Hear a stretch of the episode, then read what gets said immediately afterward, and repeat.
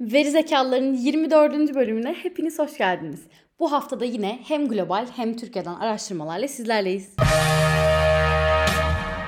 İlk araştırmamız Kimola'dan geliyor. Henüz 72 saat önce Kimola blogda Türkiye podcast araştırmamızdan veriler yayınladık.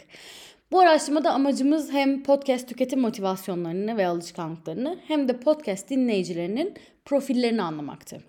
Toplamda 90'dan fazla slayttan oluşan sosyal araştırma raporumuzun birkaç çıktısından bahsedecek olursak, podcast dinleyicilerin dinleme motivasyonlarında 21 farklı dinleme motivasyonu bulduk. Motivasyonlar içinden en çok öne çıkanı ise kişisel gelişim. Podcast dinleme motivasyonlarını belirten tüketicilerin %24'ü podcastleri kişisel gelişim amacıyla dinlediğini belirtiyor. Kişisel gelişim amaçlı podcast dinlediğini belirten her 10 kişiden 3'ü ise yabancı dilini geliştirmek için podcast dinliyor. Podcast dinlenme sayıları ise sürekli artan bir dinlenme, dinlenme grafiğine sahip. 2020'nin son çeyreğinin başından 2021'in ilk çeyreğinin sonuna kadar yani son 6 ayda dinlenmeler her ay ortalama %33 artış göstermiş. Podcast dinleyicileri podcastlere en çok hafta sonu ilgi gösteriyor. Ancak cumartesi ve pazar arasında çok belirgin bir farklılık yok. E, günün akşam saatleri dinlenme bakımından zirve noktasına ulaşıyor. En az dinlenen dilim olan sabah 5 ile 6 arasında bile en çok dinlenen dilimin yaklaşık 4'te biri kadar dinleniyor. Araştırmanın detaylarını kimolo.com blog adresinde bulabilirsiniz. Geldik haftanın ikinci araştırmasına. Sağlık hizmeti imkanları tüketicilerin seyahat tercihlerini etkiliyormuş. Microsoft'un Suzy ile birlikte yürüttüğü araştırmada katılımcıların %44'ü seyahat ettikleri yerdeki sağlık hizmeti olanaklarının kalitesinin pandemi öncesine kıyasla çok daha önemli olduğunu söylemiş. Mesela düşünün Bodrum'da bir tane hastane var. Bu sene Bodrum'da 3-5 tur atılır mı? Atılmaz mı? Kaspersky tarafından gerçekleştirilen araştırmaya göre Türkiye'deki tüketicilerin %61'i herhangi bir veri ihlali yaşadıkları çevrim içi hizmet sağlayıcısını bir daha tercih etmediğini dile getirmiş.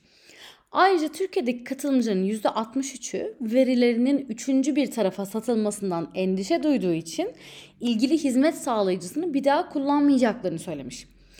Araştırmanın sonucu elbette doğrudur ama Türkiye özelinde şöyle bir gerçek var. E, bu katılımcılar kullandıkları herhangi bir telekomünikasyon markasının kendi bilgilerini çıtır çıtır sattıklarından kullandıklarına haberdar değil mi? Koca ülkede Dijitürk sadece beni mi arıyor?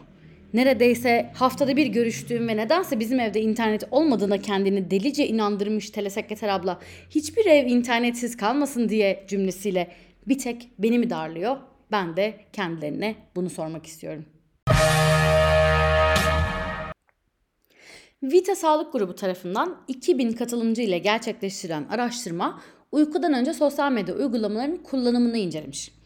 Araştırmaya göre uyumadan önce sosyal medya kullanımı özellikle Z jenerasyonu için günlük bir alışkanlık haline gelmiş. Araştırma kapsamında incelenen 18-24 yaş aralığındaki katılımcıların %56'sı her gece uyumadan önce Twitter, Instagram, Facebook, Snapchat ve TikTok gibi sosyal medya uygulamalarını kullandıklarını söylemiş.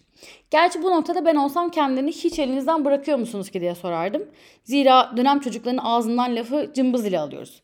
Genelde ya bir şey izliyor ya da bir şey oynuyor oluyorlar. Gerçi biz de gençlik yıllarımızda salonda örgü örüp ailemize konferans veriyorduk da şimdi bu jenerasyonu eleştiriyoruz. O da aynı mesele. Veri zekalarının 24. bölümünde sonuna geldik. Şimdiye kadar her sene yaz tatili hazırlığında olduğumuz şu güneşli günlerde Instagram'a bakıp iç geçiriyorsanız, influencerların ve arkadaşlarınızın tatile gidip story atmasını izliyor ve bu dönemde tatil yapmayı, dışarıda olmayı meşrulaştırdıkları için için için sinirleniyorsanız siz de benim gibi oynatmaya az kaldı şarkısını söylüyorsunuz demektir.